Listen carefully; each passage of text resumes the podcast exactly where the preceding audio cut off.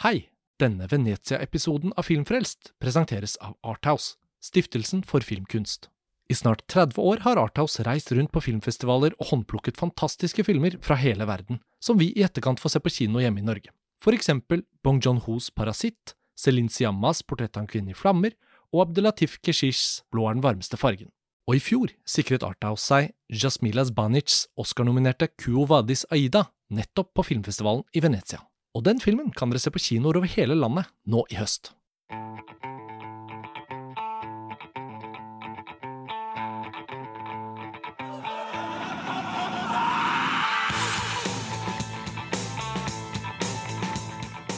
Hei og velkommen til en ny episode av Filmfrelst, podkasten fra filmtidsskriftet montasj.no. Mitt navn er Karsten Meinick, og vi er her fortsatt i Venezia. Filmfestivalen har nå kommet litt forbi midtpunktet, og vi har den store gleden av å ha med oss vår italienske venn og kritikerkollega Tomaso Tocci, som jo har vært til stede på podkasten tidligere i ulike sammenhenger, og som nå er på hjemmebane da, i Venezia, eh, hvor han dekker festivalen for eh, sin nettside mymovies.it. Eh, og vi skal jo da snakke sammen på engelsk, som vi har gjort de gangene Tomaso er gjest på podkasten, så da bytter jeg over til engelsk. Eh, Tommaso, it sounds strange for me to say welcome to Filmfrelst, our podcast, while we're here in Venice, which is your home ground, but I guess I'd have to say it. Welcome back to the podcast. Thank you, and welcome to Venice yourself. Thanks for having me. We've talked about it before to have uh, the chance to come back and you know meet at a festival physically and talk about films again. And the last few episodes on Skype we had the great fortune of having you as a guest in the digital Berlinale in February. Yes. Uh, but uh, you know, the feeling of being together, you know, on the scene, walking, and Yes. standing in lines, and talking off the record, on the record, etc. It's nice to be back.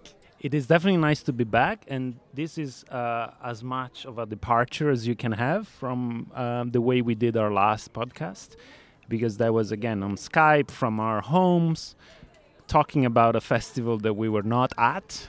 Uh, and this, I mean, even for a podcast in Venice, this feels especially in Venice. We Yeah. are in the thick of it. Yeah. This is the real Venice, uh, real life, beautiful. Oh, it's great, and uh, thank you for taking the time. I know you're a busy man here on your home turf, Everybody's uh, busy at festivals. Uh, As I said to the listeners in my Norwegian intro, you're writing for mymovies.it, the Italian website. that is correct, yes. And uh, you have a lot of different activities. You're participating in uh, panels, and uh, uh, you have a lot of, of course, contacts, colleagues, friends that you meet. Not only us Norwegians, but when you're going to Venice, you've been coming for 15 years. yes. What is the thing that excites you the most every year to, to sort of get into it, watching the films, being at the scene? Well, um, this is probably not the most original answer, but the truth is that that those moments where you get to reconnect with friends and colleagues and talk about film, but also, as we mentioned, really not about films, because um, after a while, the impressions about films are something you can do via Twitter or or just um, chatting online. But there's something about the energy of each film, the buzz, um, and especially Venice. It is the uh, it's the first festival I've started to come to. So I started already. My first festival was already a big one, and and so now after all these years, um, it is true that I feel like I have um, truly a network of people to to to feel the pulse of, Mm. um, and Mm. that's that's very important to me. No other festival that I go to is this extensive in the number of different perspectives that I can count on, and that to me is just exhilarating Yeah. uh, as a feeling. And I guess it's hard to not mention the fact that after this pandemic that has you know caused so much loss and tragedies around the world and Europe and you know fa- film festivals is not on top of the list of stuff that societies need to return to necessarily That is true. and we know that Italy suffered so hard uh, during the pandemic's worst first phase and I guess in a way coming here to watch films and actually normalize life again feels important in its small little way and this city that is so dependent on human activity I guess tourists of course define Venice but this is also one of these magical places where without people it's just a dead museum Yes. so it feels to me at least to going to the festival even though it's out on lido and uh, watching these films seeing each other again it feels like normalizing a quite traumatic period in time Yes. so that is part of it as well as we enter venice and start watching the films and you know seeing and each other also, i- if I may say, it's already a do-over in a way because we, um, in the middle of the pandemic, we had an edition of Venice that, in retrospect, feels weird. yeah Um, last year, many of those friends and colleagues that I was just mentioning were not there, but also uh, we had a feeling, wrong feeling. It turns out that you know this was already past. We were already past the problems, the Yeah. pandemic, and truly we were in the middle of it, and we did not realize. So, in a way, last year's edition of the Venice Film Festival feels like an hallucination of some sort, uh, Yeah. probably a bit misguided. There's certainly a case to be made um, for n- maybe we shouldn't have had that festival. Um, so this, it's not only truly the return to to to normal, but also a strange way of remaking last year's festival, which Mm. was definitely there, and Mm. I, I had a great time, of course, but you know, with an asterisk next, next to it. we've agreed to put mainly two films in focus and let's see where we end up Okay. But uh, accidentally, both of these films that we're going to talk about are Netflix films. uh, but um, when Netflix is not invited to to screen films in the competition in Cannes, and the Cannes Film Festival is in July, there's a lot of other films that were taken by Cannes that couldn't go to Venice, and then Venice had the chance to again program Netflix films. So it's not a huge surprise that some Netflix titles are in the uh, official selection, but I think these two are even though quite logical to put into focus on the podcast because it's the new films from two authors that I think we both like, and it's interesting to discuss them both Paolo Sorrentino and Jane Campion. And uh, let's start with the Italian author's new film. Um Sorrentino probably needs no detailed introduction to our listeners, but you know, to give you an assignment as an Italian, uh, where is Sorrentino now in his career? And uh, can you set us up for this new film called The Hand of God? Yes. So, um, not to be sensationalistic about it, but uh, I do feel that we are at a critical juncture in Sorrentino's career. Sorrentino's career has gone through, well, it started with a bang. He came onto the scene uh, guns blazing and he went immediately. It had a generational effect in the sense that I remember because my generation was a generation that came up with Sorrentino and felt that it was a complete departure from the Italian cinema of the 90s. So he had basically a period of maybe the first decade of the 2000s in which he could do no wrong, Mm. in which he was uh, going from success to success, culminating, I think, with Il Divo, his most ambitious film of the era, and I would probably say, probably still his best. And then, of course, as everybody know, uh, international success came with um, The Great Beauty, which Yeah. brought an Oscar. And to me, that was already a sign of decline. Um, It's and a huge hit in Norway. It Den is. store skjønnheten, uh, La Grande Bellezza. A lot of people have probably seen that. A lot of people might have only seen that of Sorrentino's films. and that's fair enough because I think if you've only seen that, it it encapsulates his cinema kind of like a greatest hits, but it also ironically tells about his relationship with Rome. And Sorrentino is not a Roman filmmaker, as we now know from this film, which is entirely set in Napoli, in, in Naples. That's his true home place, and I think it's no coincidence that it feels way more authentic. We mm, will get mm. into how this is a very autobiographical film, but I think that, you know, after The Great Beauty, he had a moment where all this success probably struggled to to handle it. Um, he, he experimented a bit with um, "This Must Be the Place," is American film. Youth Youth was takes place in. Switzerland. Yes, Yeah. that was mostly his crepuscular film. Like that, he Yeah. was. You could tell that he was bringing his poetic to the extreme. Yeah, I wasn't a Um, huge fan of Youth though. exactly. Uh, yeah. No, those were. Um, I mean, he did TV as well with the Young Pope, and I have to say on HBO. Yeah. that was the signal to me that Sorrentino needs some boundaries because otherwise his immense talent Hmm. can become self-indulgent. So after all of this, in the middle of that, there was a Berlusconi film, a film about Berlusconi, which for Italian history, it's a big event because we are talking about the main director yeah. of our mm. cinema tackling the most relevant historical figure, unfortunately, of the last 30, 40 years, probably. Uh, when uh, Nanni Moretti made his Berlusconi film, yeah, yeah, that was a seismic event, and I think history has not treated it kindly. I do think that it was a great film, and it, it tackled Berlusconi uh, not directly, which is I thought it was a smart call, and uh, Sorrentino did it straight on, straight on and yeah. failed. Yeah. Failed for many reasons, political reasons, um, narrative reasons. Also, the film was weirdly split in two parts and then released as one shorter film, um, which again was better than the two because Sorrentino needs boundaries.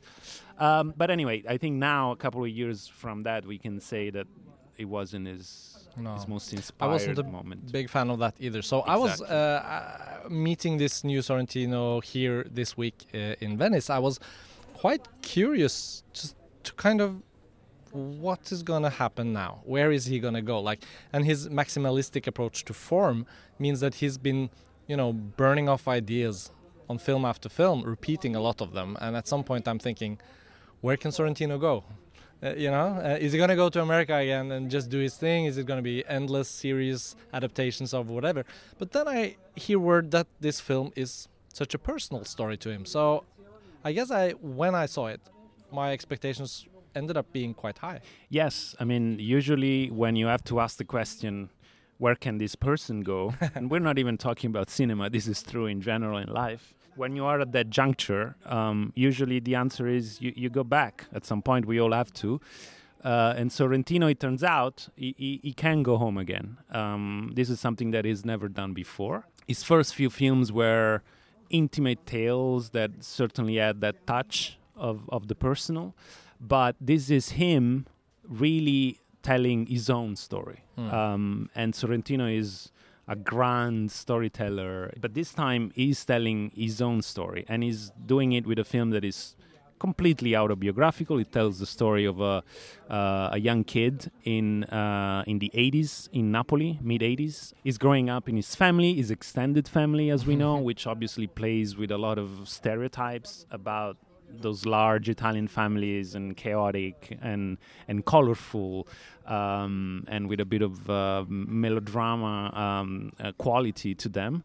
And there's everything you might expect from Sorrentino, especially in the first part. Mm. So the first part is Sorrentino baiting the audience into thinking that this is a proto version of his own films um, kind of like a prequel to an 80s prequel to to what would later become his signature style.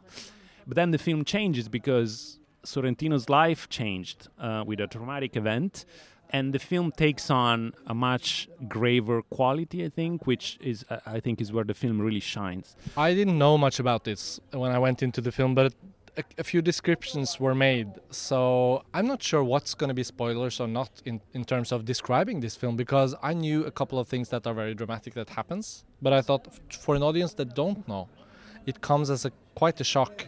So I guess we can talk about it without spoiling too much, but um, there's a couple of things that I think would be nice to kind of describe, and I can give some of my opinion while I do it and.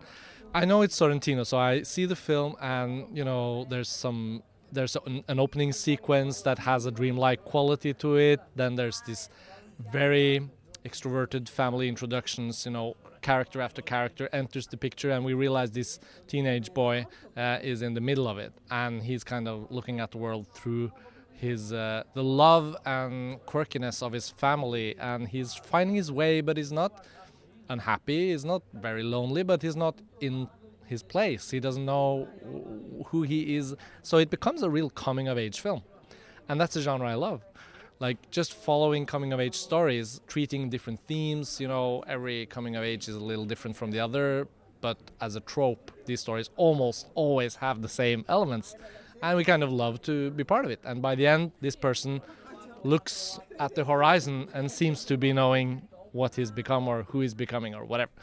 This happens in these films as well, but I guess for a film to be so autobiographical about the director, it was less about cinema and falling in love with cinema than I was expecting. I really thought it was going to be almost like a film about a filmmaker becoming a filmmaker.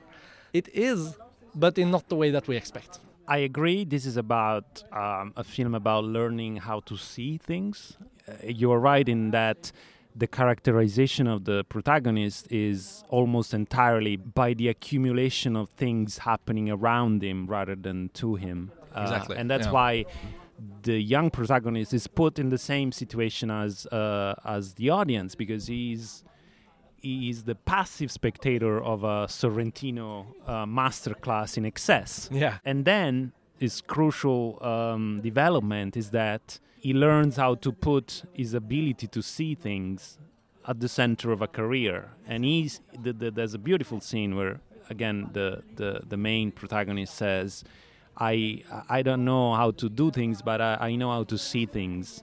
Um, I, I just see things. Um, and then it becomes about the idea do you like what you see or not? How much of the idea of the joy in seeing things is part of your poetic? Um, and Sorrentino has been associated with that. Uh, his, his cinema uh, has been at times sexy, um, elusive, um, certainly again very indulgent and or orchestral or i mean like musical it has this virtuoso quality that you know you can be a cinematic virtuoso but not kind of showing off and then you can be one who shows off but has no content and then you can be sorrentino who at his best i think he's both showing off but also making that form or that play with cinematic toys the box that he's choosing from become a style that in his best films is what the film is also about in a way. Yes. Uh, and um, what happens here is that form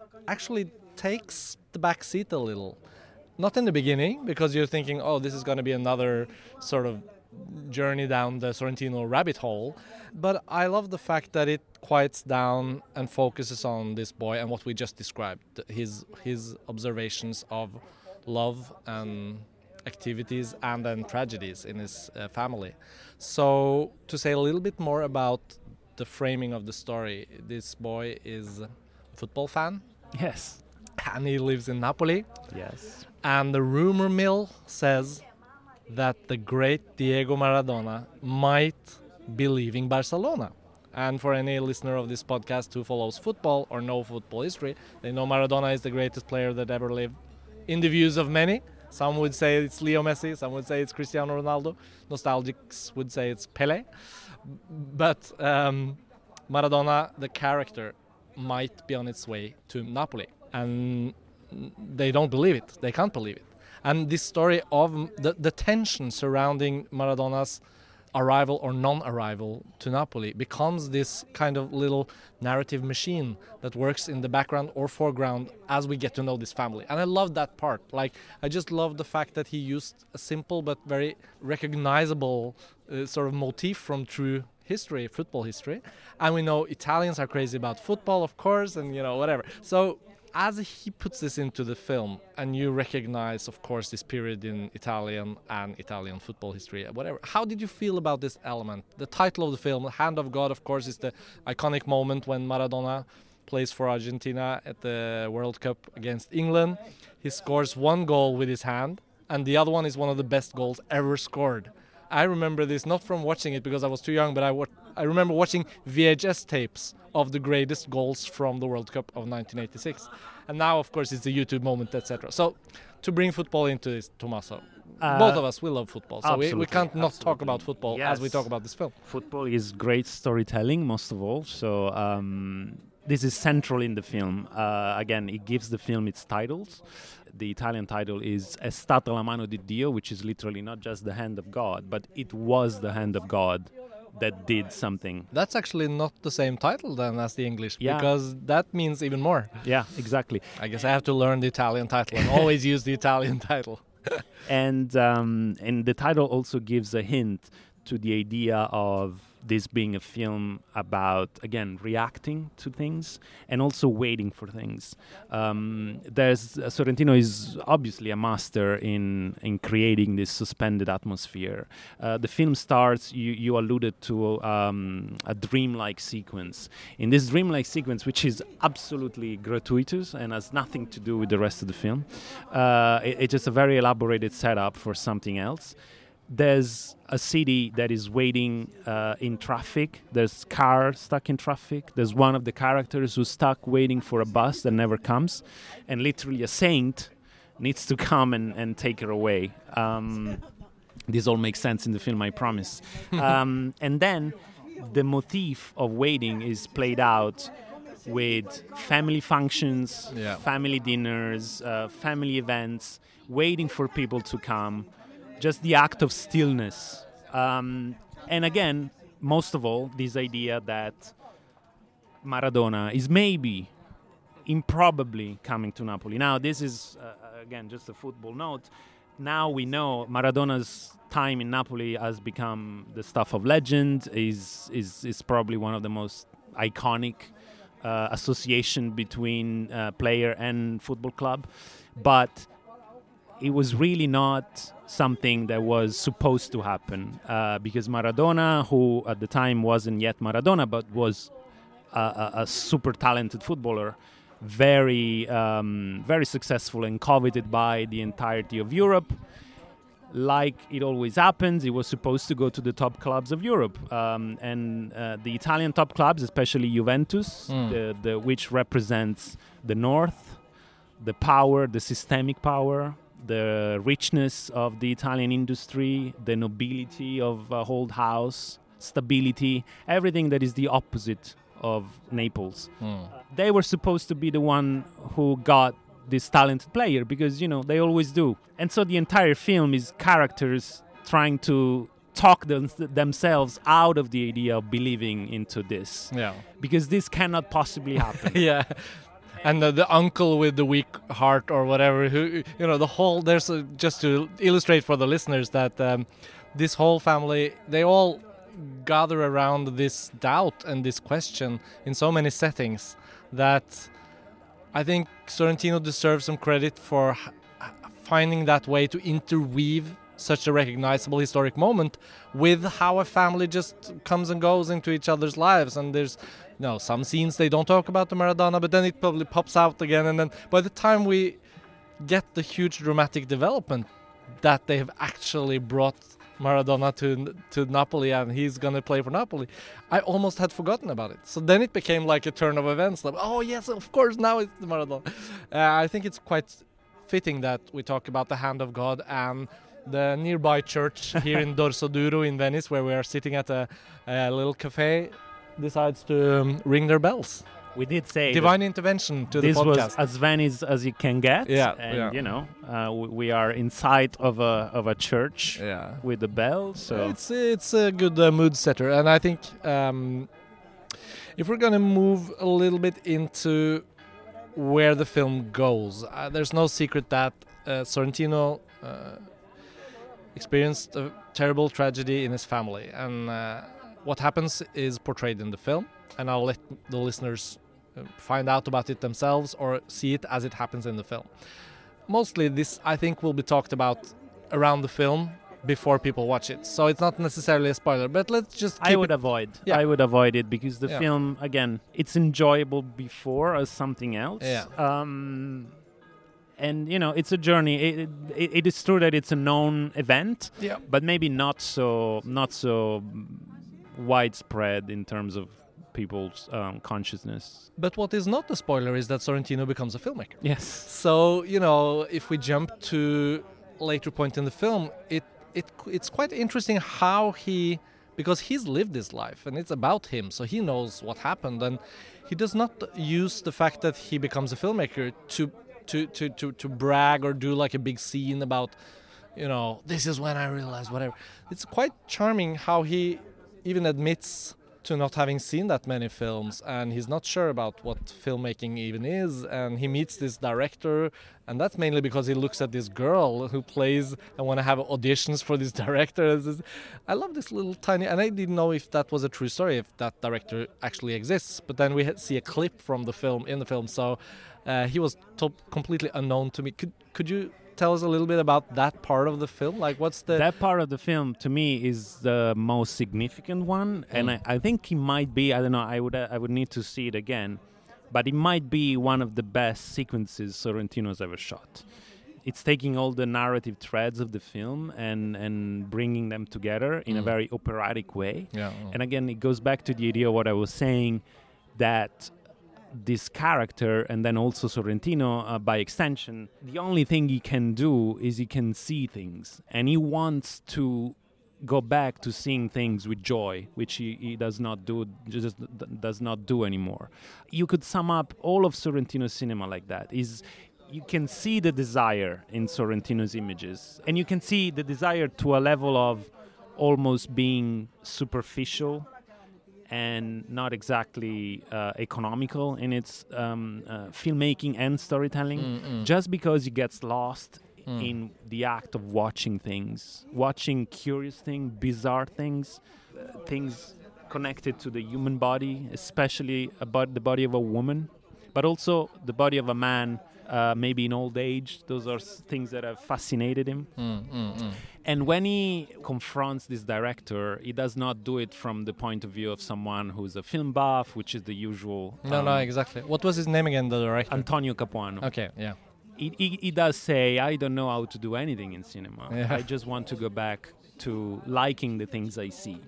Um, and then there's a motif which, because we have to say that this is also Sorrentino um, incorporating a critique of his own cinema into the film. He keeps saying there's, this there's a character who constantly asks Sorrentino, the character, do you have something to say? Do you have a story to tell? And this thing is in a, in a beautiful, beautiful uh, sequence. It, it's used as a metric element that comes back. Mm, and this yeah. guy is asking insistently, do you have something to say? Have you found something to say? And Sorrentino doesn't quite respond because he still hasn't. It needs to come out uh, in a very painful way. But that's been the objection to Sorrentino's um, filmmaking style for a while. He's a, he's a formalist. Um, he might craft beauty, but maybe not much more than that and it might all be a bit self-serving. Um, so it, it is his own way of reacting to that, which fair enough. You know what? I have been a critic of Sorrentino, especially in the last decade, but that gets my respect. Mm. Yeah, and I, I if it wasn't obvious already, I really love this film. Uh, and uh, maybe I should have started with that sentence in the beginning, but anyway, the conclusion from me I loved it, but I was also very moved by it in terms of the balance of a filmmaker that is a formalist, as you say. The the part of it's being autobiographical, and I guess that sort of is a hook for any audience member. Oh, it's a true story. Well, oh, this is. A...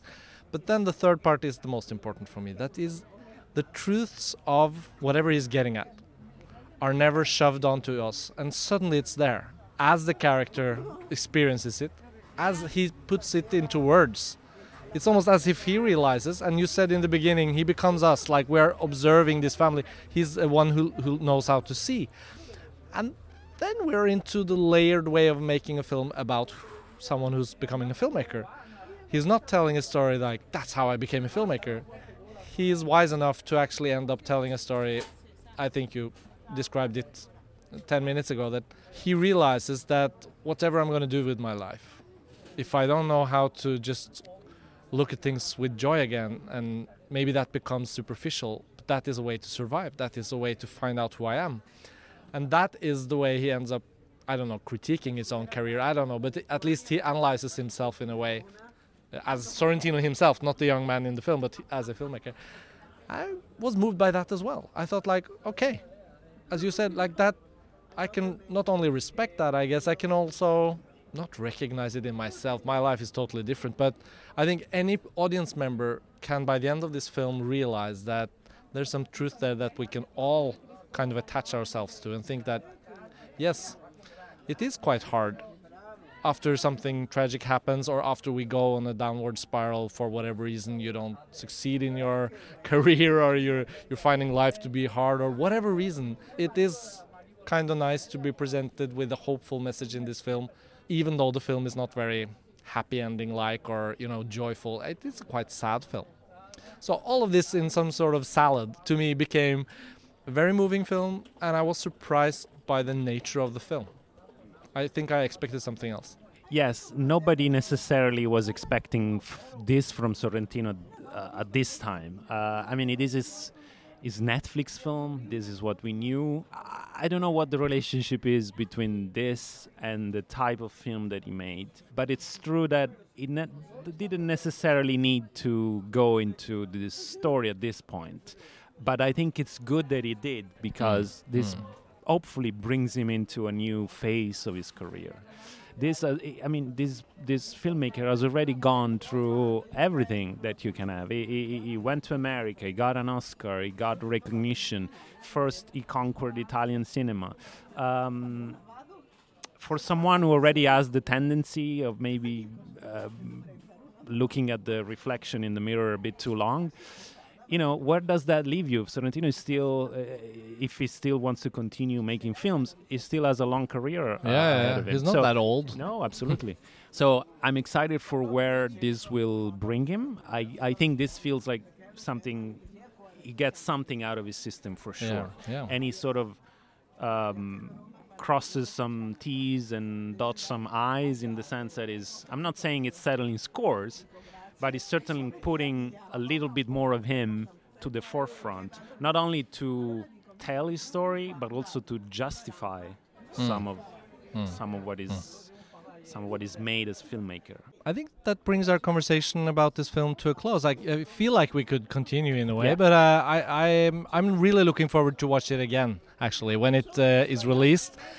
And I hope this is one of those Netflix films that will be released theatrically, at least in Norway. That before the pandemic, it used to happen. That uh, you know, uh, and even with Mank, they tried to to release it while, but then the cinemas closed down because there was another lockdown and etc. But but there is a company in Norway having a, a, deal with Netflix to release their films theatrically for maybe two three weeks. Uh, so it is a big screen experience, and we saw it here at the festival even though it's produced by Netflix, I don't think about Netflix when I watch it. Uh, so let's see.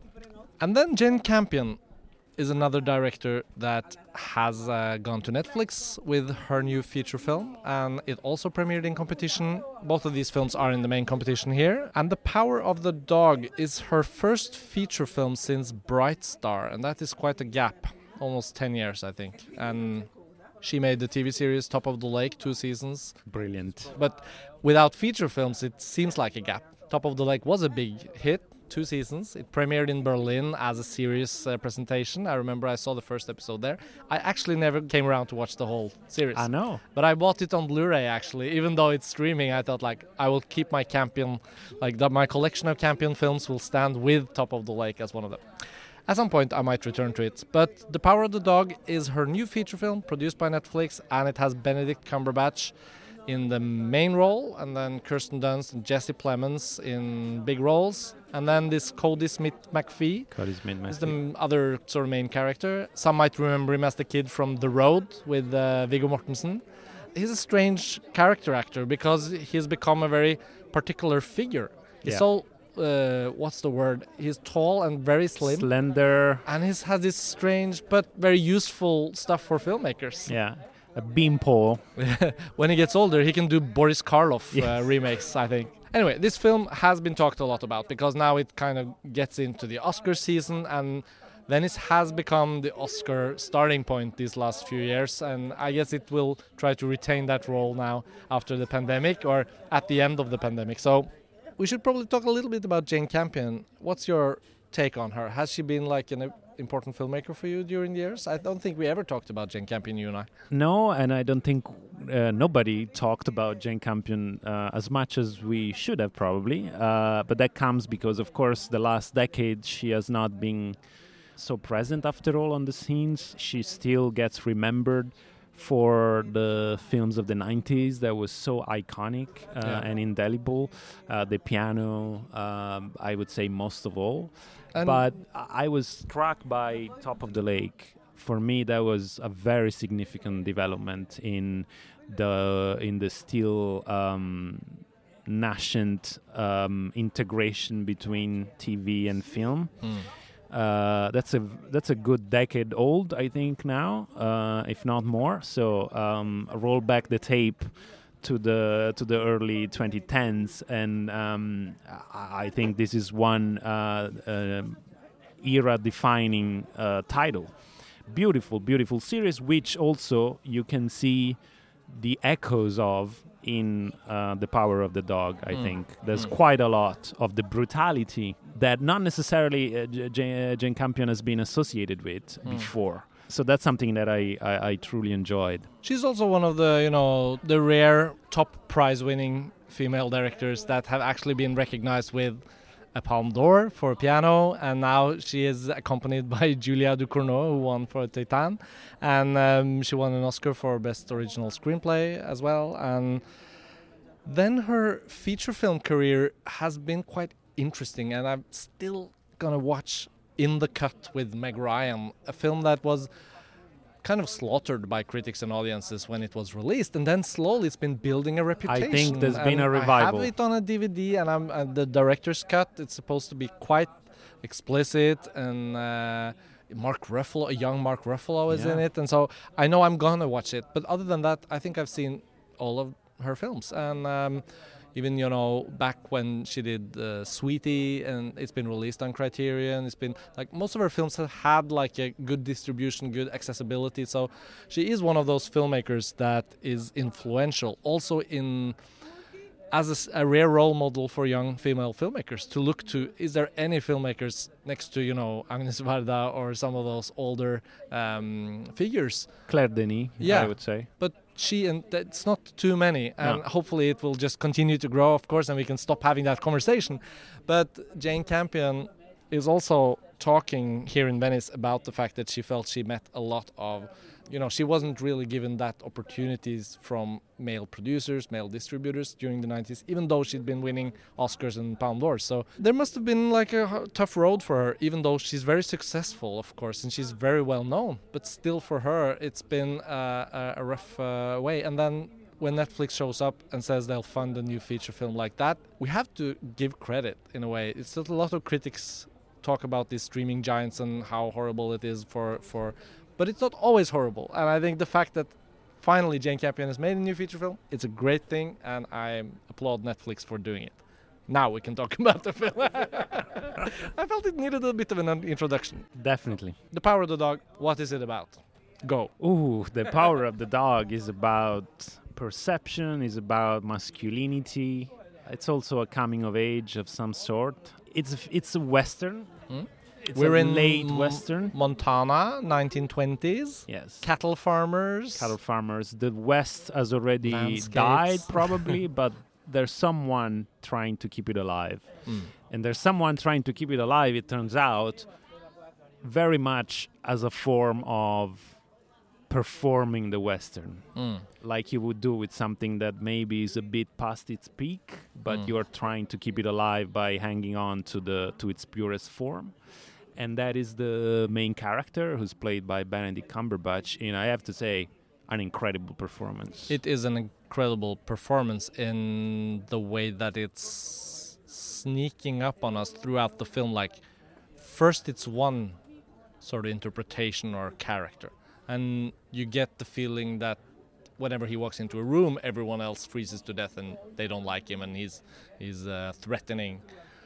But then this is part of her brilliance, and you know we'll talk about the film in detail. I have some stuff I didn't like that much, but Cumberbatch's role and how it grows and how it changes balance inside of the film, and suddenly our sympathies starts moving. Uh, that is so hard to do, and so rare we see it done in this kind of uh, genre as well. Yeah. The peculiar geography of the film is that the film is based around four characters. Benedict Cumberbatch is Jesse Plemons' brother, and their relationship is already interesting because it's it's a close relationship. It's they are probably codependent, even if there's an element of abuse between them.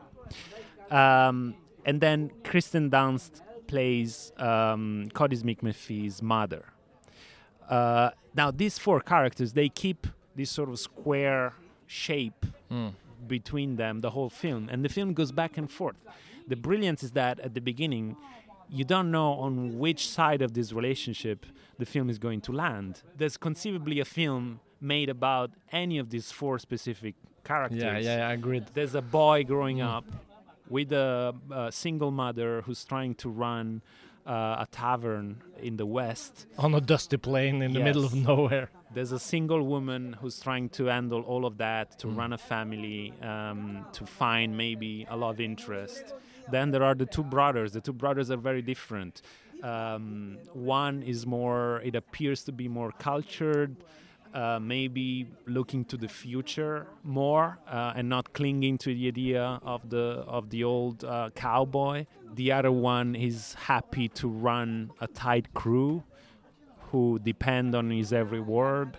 I mean, there is a lot there. And so, not only the film keeps you guessing in terms of, okay, who are we following here? Who's the, who's the main center? But it keeps that dynamic throughout and it goes back and forth. It does, there is that little film about Kirsten Dunst in, in incredible sequences that are tremendously affecting about her struggle, which we, we will not get too much into uh, or, or Jesse Plemons, who whose sympathies shift.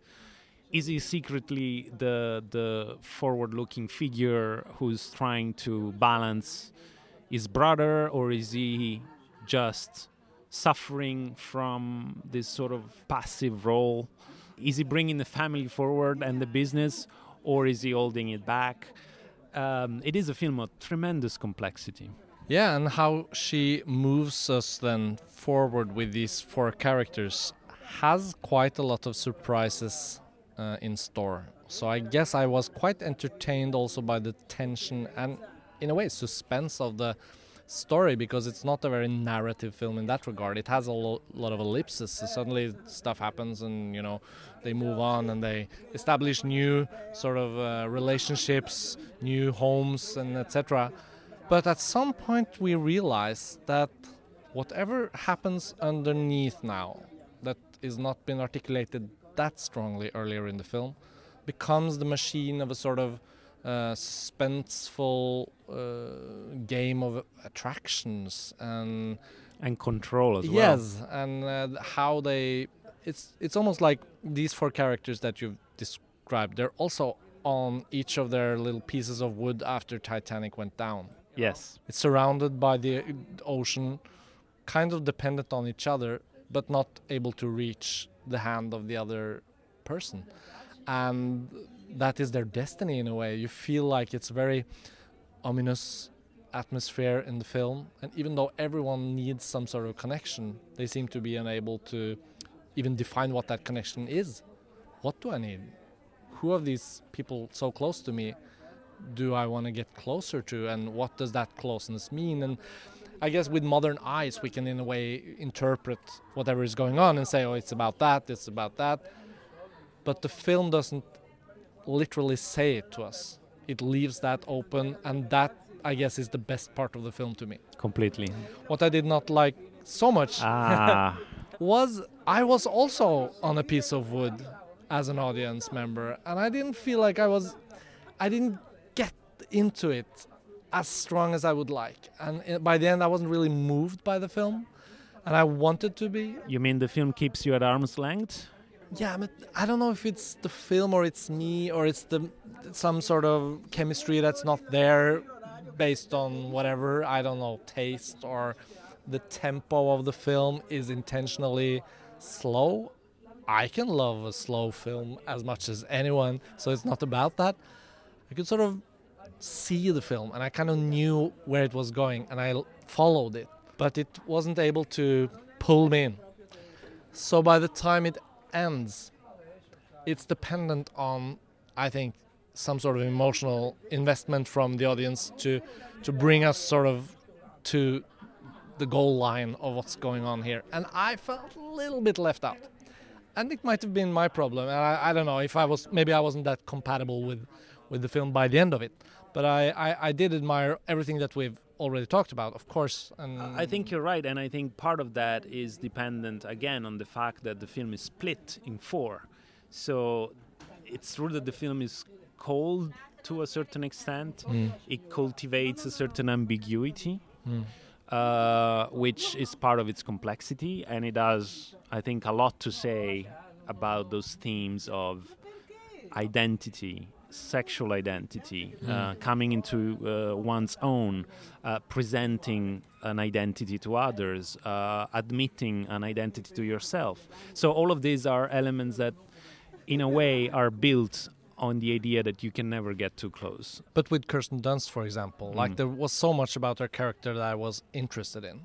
But then the time the film spent on her felt like butter being smeared on too big a piece of bread. you know, this is the from Lord of the Rings when Bilbo says that I feel like stretched out like too little butter on a slice of bread or whatever he said. but you know what I mean? Like, I I- just give me more, give a little bit more. I want it to be like a little bit more. I don't know, three-dimensional is such a dumb word to describe it, but I, I felt there was a little bit more to her, and we weren't really taken into it. So I was left sort of looking at her, the dramatics of the character. This is interesting to me because this image that you used of uh, characters being spread too thinly, um, it's also for me visually what's striking about this film Mm. is that the composition, the frame is always so wide, but wider than normal wide. And I think that's uh, it depends on the way that the characters are placed within these again incredible landscapes. The film has been shot in New Zealand, if I'm not mistaken, posing as uh, uh, again early 20th century America Maybe that's why I thought of Lord of the Rings. for sure. it's a very topical It's- reference. yeah, it's set in Montana, and I think New Zealand Film Commission is credited at some point. So I thought also it might have shot at least parts of it in New Zealand, but maybe all of it. She's Yeah. from New Zealand, isn't she, Jane Campion? and that's where uh, also Top of the Lake Right, was right, also right, right, shot. But it, to me, again, visually, that's the experience that I got. It's what you just said is how I would describe visually the characters being spread on this frame, Mm. which is always too big for them, and that's both outside and inside because this this is a film of incredible vistas um, outside, but also of houses that are probably too big where characters can go to hide each in their mm, own room mm. and then when they come together for a reception in the living room they keep their distances and there's a there's a whole scene beautiful that plays on this idea of being coming to a dinner but staying removed because you can't get too close Yeah, yeah. um, so it's interesting. Um, the film seems to swallow the characters at times. I agree. Even though also this film would would naturally invite to even longer conversations, I I uh, I know that we've uh, already spent quite a lot of time on these two films. So since we have you here by the microphone, it feels like a wasted opportunity if I wasn't inviting you to tell us a little bit about other films that you've seen during the festival because I know we haven't seen all of the same films, so I'm quite curious as well to hear if there's a couple of especially films that you've liked that you find worthy of uh, some attention that both I and my listeners can note down for future reference at other festivals. Um, So um, I've been mainly following the competition, but uh, I did see quite a few titles from the other section, which would be the um, the other section, the second section in the official selection, which is Orizzonti, which has been doing, I would say, great work recently after a few years of slumber. Um, Critics Week and Giornate degli Autori are the two sidebars. Um, there is one film in uh, Giornate degli Autori that I think uh, is very peculiar, um, that I admired, and it's called You Resemble Me. This is a film It's a co-production. It's American, Egyptian, and French. I think Interesting. it starts as the conventional story of a second generation um, kid in Paris, a young child and her young sister growing up in Paris as the children of immigrant parents. Uh, and that's a story that we have seen a lot. But then this film actually turns out to be about something else. These two kids grow up, especially the main character, uh, and uh, we see them as adults. They get separated. Life is tough. Um, you can sense a systemic oppression, a systemic discrimination. And the film starts to tie into real life.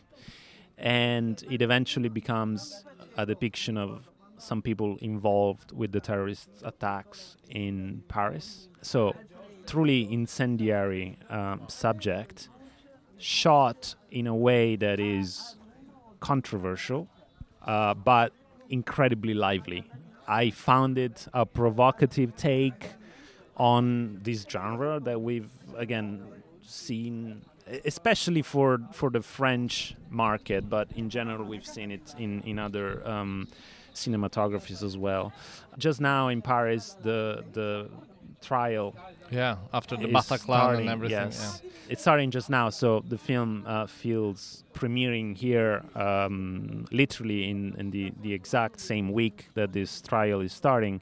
Feels interesting and it will certainly spark a discussion. So that's one title that I found um, interesting. There's an Italian post apocalyptic uh, thriller that is something we don't do Cool. recently, and I've although the film doesn't quite work, unfortunately, I really wanted it to to be great. What's it called? Um, it's called Mondo Cane. I know there's a lot of, uh, which means uh, dog world. There's it, the dog who, who returns, and then we have a god. so uh, forgive us for the for the assonances there. Um, it's interesting for uh, you know the post-apocalyptic uh, thrillers are not what you would normally see in Italian cinema. This th- this film is predicated on the idea that uh, Taranto, a city in the south of Italy, is being um, closed off and evacuated. And only criminal gangs that uh, look as if they are out of Mad Max, they now run the city. Uh, there's a lot of action. There's armored cars. There's guns, uh, but there's also a sense of um, social commentary with the um, steel factory there, which is a real steel factory that's been in the Italian news for decades because it has there's been a scandal. The, there's been proven that the waste has been uh, harmful harmful to the local population. Yeah. Uh, there's been a trial and, and all of that, and uh, I really liked how the film takes that very serious subject and push it pushes it to the extreme of Mm. you know a, a, a world in which the authorities chose to keep the factory and to push the people out to fix this problem, and then ended up with a this sort of dystopian uh, crime world. Uh, the film is called Dog World, and it is part of a larger bid to bring back genre to Italian cinema, produced by Matteo Rovere, who's uh, a director himself. And this is something, this is a development that um, our listeners might um, encounter in the future because these films cool. are, there's more and more being made. Yeah. Um, and they are very deliberate in what they're doing. Sometimes they are clones of successful American films, but I would say that's good because you know that's the first step. But this film truly made me think. Usually, I'm I, I welcome them um, saying yes, we need more of that. Bring them on, please give me more. And with this film, which is great in the world building, but then I thought, okay, now there needs to be a moment where these films start getting better at the screenplay level Mm, mm, mm. to not just being derivative um, of, of genre maybe, yeah, filmmaking. Um, Hmm. So hopefully, So maybe a trend there of Italian genre uh, cinema coming back. I guess that brings us to the end, Tommaso. That uh, we had an hour and uh, we spent an hour. So uh, I'm, I, I know that we could have gone into even more films uh, Yes. that both of us have seen as well. But I'll try to mention a few Italian films on another Norwegian episode and uh, talk on behalf of your your cinema culture here in Italy. But uh, again, thank you so much for taking the time to be part of our podcast. My pleasure. Thanks for having me. You know, you're welcome back for the next occasion, I where, wherever that will be. And um, we hope to see you at the Norwegian festival at some point. So, That's on the cards. yeah, you should make sure to come when it's most exotic in the middle of the the black winter with freezing cold, and we all spend time inside the cinemas. Just say the word and I'll be there. Yeah. Thank you for having me. Thank you. Okay. Talk to you later.